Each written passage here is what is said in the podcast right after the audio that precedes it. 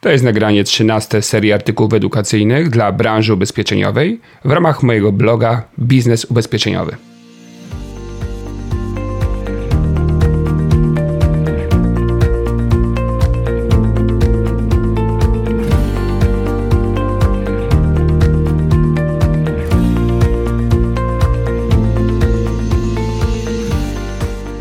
Jak możesz wykorzystać wzorce podejmowania decyzji przez klienta? Pierwszym z nich jest wzorzec przyjemność-cierpienie. Polega on na tym, że wpływamy na decyzję klienta, uruchamiając jego wyobraźnię. Możemy w niej malować obraz pozytywnych lub negatywnych zdarzeń w życiu klienta. Na przykład, rozmawiając o ubezpieczeniu samochodu i umowie dodatkowej typu assistance, klient może wyobrazić sobie dwie sytuacje. Kiedy samochód został unieruchomiony i klient musi zorganizować i opłacić holowanie, lub kiedy jednym telefonem załatwia sytuację bez straty finansowej i samochód trafia we wskazane miejsce. Drugi przykład to rozmowa o przyszłej emeryturze klienta możemy rozmawiać o tym, co by było, gdyby klient miał żyć tylko z emerytury z ZUS-u, lub jak wyglądałby jego standard życia w przypadku posiadania dodatkowej prywatnej emerytury. Jeśli chodzi o emocje, to większość ludzi jest wrażliwsza na wzorzec typu cierpienie, czyli negatywna wizja silniej wpłynie na ich decyzję. Niestety większość agentów boi się rozmowy opartej na tym wzorcu i w większości przypadków stara się wpłynąć na decyzję klienta, uruchamiając wzorzec przyjemnego efektu. Wzorzec cierpienia nie musi dotyczyć tylko przyszłości, może również dotykać teraźniejszości. Załóżmy, że prowadzimy proces rekrutacyjny, ponieważ szukamy agentów do naszego zespołu. Ze względu na to, że w społeczeństwie jest dużo uprzedzeń co do takiej roli zawodowej, kandydaci nie pchają się drzwiami i oknami. Krótko mówiąc, jeśli zweryfikujemy kandydata i wyda nam się właściwą osobą, musimy roztoczyć wizję przyszłości, która będzie opierała się na wzorcu przyjemność. Opisujemy mu proces budowania rynku klientów, wzrastających dochodów, dużą dozę niezależności, elastyczności i tym podobne. Drugim kierunkiem oddziaływania na decyzję jest uruchomienie wzorca cierpienie, opartego na teraźniejszości kandydata, co w jego obecnej sytuacji zawodowej i finansowej go męczy i dla niego jest niekorzystne. Czego mu brakuje? Kto ma na niego niekorzystny wpływ? Jeśli nie jesteś pewien, jaki typ wzorca decyzji silniej wpływa na rozmówcę, staraj się działać dwutorowo. Z jednej strony pokaż negatywne skutki braku ubezpieczenia, a potem zbuduj wizję sytuacji, kiedy to ubezpieczenie jest.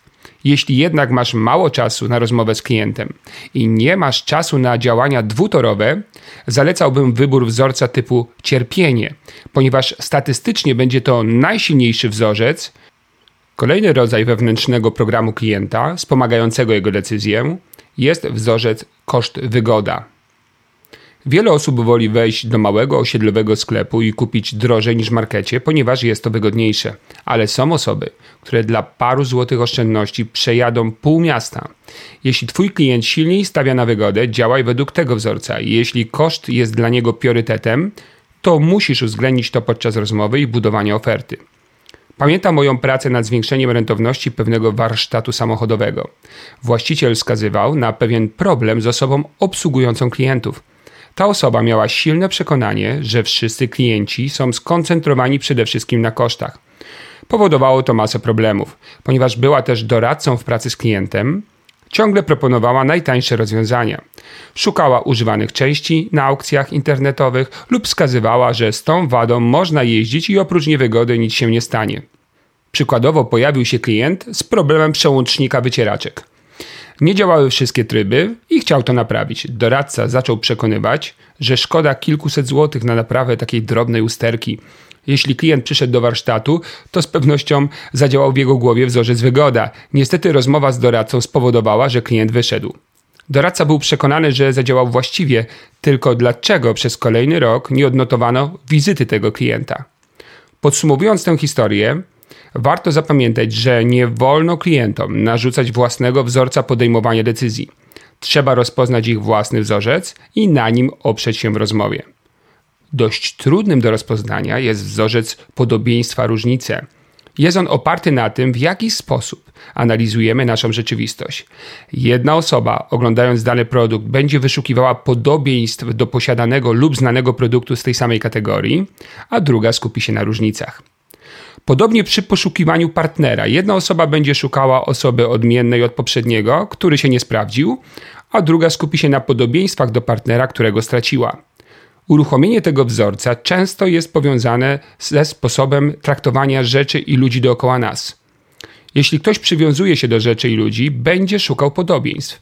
Jeśli jednak jest osobą, która często odrzuca relacje i rzeczy, które posiada, może skupić się na różnicach. Jeśli nie jesteśmy pewni, z jaką osobą rozmawiamy, to możemy działać dwutorowo. Sprzedając dany produkt lub usługę, używamy metody podobieństw, wskazując na mocne cechy podobne do cech poprzedniego produktu, z którego korzystał klient. Tak jak w Pana poprzednim, e, jest tu również, e, oczywiście tak samo jak w Może Pan, e, potem wskazujemy na różnice. Natomiast oprócz tego, w przeciwieństwie do, tu jest, a tej funkcji nie znajdzie Pan nigdzie indziej. Jeśli rekrutujemy kandydata do pracy, możemy wypytać go o poprzednią pracę. Jeśli dowiemy się, jakie elementy w jego roli zawodowej mu odpowiadały, a jakie były dla niego dyskomfortem, możemy to wykorzystać. Załóżmy, że kandydat podoba nam się i chcielibyśmy go zrekrutować. Wykorzystamy wiedzę o nim, którą zdobyliśmy i wskażemy podobieństwa do poprzednich stanowisk pracy w obszarach, które mu odpowiadały i różnice w cechach, które go zniechęciły. Kolejnym wzorcem podejmowania decyzji jest wzorzec z zewnątrz, z wewnątrz. W ramach tego wzorca ludzi można podzielić na dwie kategorie. Osoby, które kierują się opiniami i zdaniem innych oraz osoby, których decyzja pochodzi z ich własnych przemyśleń i niezależnej opinii. Dla rozpoznania tego wzorca możemy zastosować pytanie zaczynające się od słów: Czym pan, pani kieruje się przy? Z jakich źródeł pan, pani korzysta przy wyborze? Jeśli dana osoba pyta często innych o opinię, sprawdza komentarze w internecie, a czasami pyta nawet sprzedawcę, to mamy do czynienia z wzorcem typu z zewnątrz. Jeśli jednak nasz rozmówca opowiada, jak to sam doszedł do takich to a takich wniosków, że miał przeczucie i się sprawdziło, że lubi daną rzecz zanalizować, to prawdopodobnie decyduje w trybie z wewnątrz. Ten wzorzec podejmowania decyzji jest dość jednorodny. W związku z tym powinniśmy unikać mieszania dwóch trybów w rozmowie z tym samym klientem. Kolejny bardzo ważny wzorzec podejmowania decyzji to szybko wolno. W ramach tego wzorca mamy osoby, które podejmują decyzje prawie od razu i osoby, które potrzebują dużo czasu na zastanowienie się. Na przykład w przypadku spotkań z agentem danemu klientowi wystarczy jedno spotkanie lub będzie potrzebował dwóch lub trzech.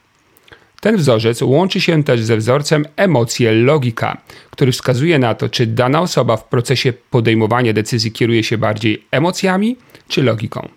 Jeśli mamy klienta typu analityk, to prawdopodobnie będzie podejmował decyzje powoli i po dogłębnym zastanowieniu się. Jeśli klient skupia się na emocjonalnej stronie rozmowy, to podejmuje decyzje relatywnie szybko. Ten typ wzorca jest jednym z najważniejszych i powinniśmy wyjątkowo skupić swoją uwagę na tym, z kim mamy do czynienia. Wyobraźmy sobie, że prowadzimy rozmowę z klientem i pytamy go o decyzję, a klient odpowiada, że musi się zastanowić. Co mamy zrobić? Cisnąć go, żeby jednak podjął decyzję, czy teraz odpuścić? Ponieważ pytanie o decyzję jest raczej końcowym etapem naszej rozmowy z klientem, to do tej pory powinniśmy już zaobserwować, z jakiego trybu podejmowania decyzji korzysta klient. Jeśli to osoba, która analizuje, skupia się na szczegółach oraz działa według trybu z wewnątrz, to będzie faktycznie potrzebowała czasu. Jeśli będziemy próbowali ją zmusić do decyzji od razu, to nie tylko, że nie sprzedamy, ale również stracimy klienta na przyszłość. Jeśli jednak klient głównie działa emocjonalnie, pytał o to, jak decydują inni i ogólnie wyglądał na szybkiego, jego słowa o zastanawianiu się prawdopodobnie oznaczają zupełnie coś innego. Po prostu nie został przez nas przekonany, a to był najprostszy sposób zakończenia rozmowy. Jak widzisz, poznanie i świadome korzystanie z wzorców podejmowania decyzji może zwiększyć Twoją skuteczność w rozmowie z innymi. Najważniejsze jest to, abyś bardzo uważnie słuchał rozmówcy i miał zawsze przygotowany zestaw pytań, które pomogą odkryć, z kim masz do czynienia.